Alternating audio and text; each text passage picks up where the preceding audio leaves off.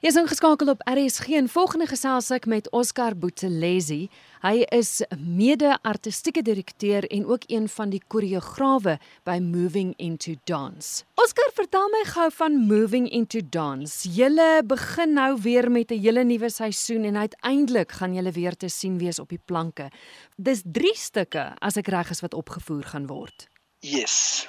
Um, so this season, we are actually trying to bring the community together and also giving hope to the theatre lovers to say, yes, um, the art still exists in South Africa and around the world since we've been locked up for all these years um, due, um, due to COVID. So we're trying to bring hope and bringing people together and also trying to bring awareness of moving into dance and its work that has been done doing the past um, years.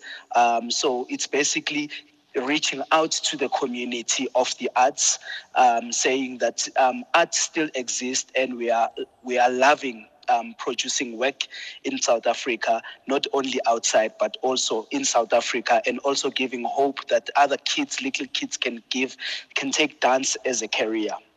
Kom ons praat oor die eerste stuk met die naam Road. Dis jou stuk, né?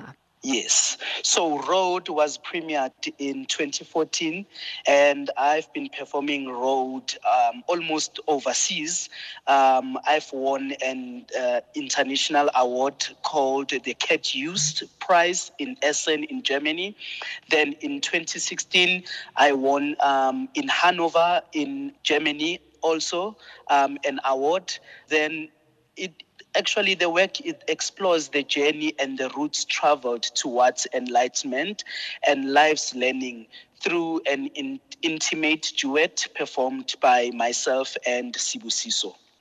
Dan die tweede stuk het 'n naam wat ek nie eintlik oor die radio mag sê nie. Vertel my daarvan. yes. So further as it was choreographed by Sunny Boy Mutau and um, Israel-based Rachel Erdos. Um, and it was commissioned by Dance Umbrella in 2015. And it's actually exploring the politics and psychology and physicality of masculinity into the fight um, or flight principle relating um, this theory to um, modern day male society, um, interrogating cultural differences in male re- um, reactions. So basically, it's more of fighting amongst ourselves um, the situation where the masculinity is either challenged or validated. En die laaste stuk, waaroor gaan dit? So Despot is by Lisego um Dihemo. Um basically it's a play on the fight to stand up for oneself or to chain um, the waters. The question is basically at what point do um do do one step up and take back their power? Ons is so bly julle is terug op die verhoog. Vertel gou vir die luisteraars waar is julle te sien en wanneer is julle te sien? Yes, so the performance will be held at the Joburg Theatre in Johannesburg, Bramfontein on the 29th April at 7 p.m.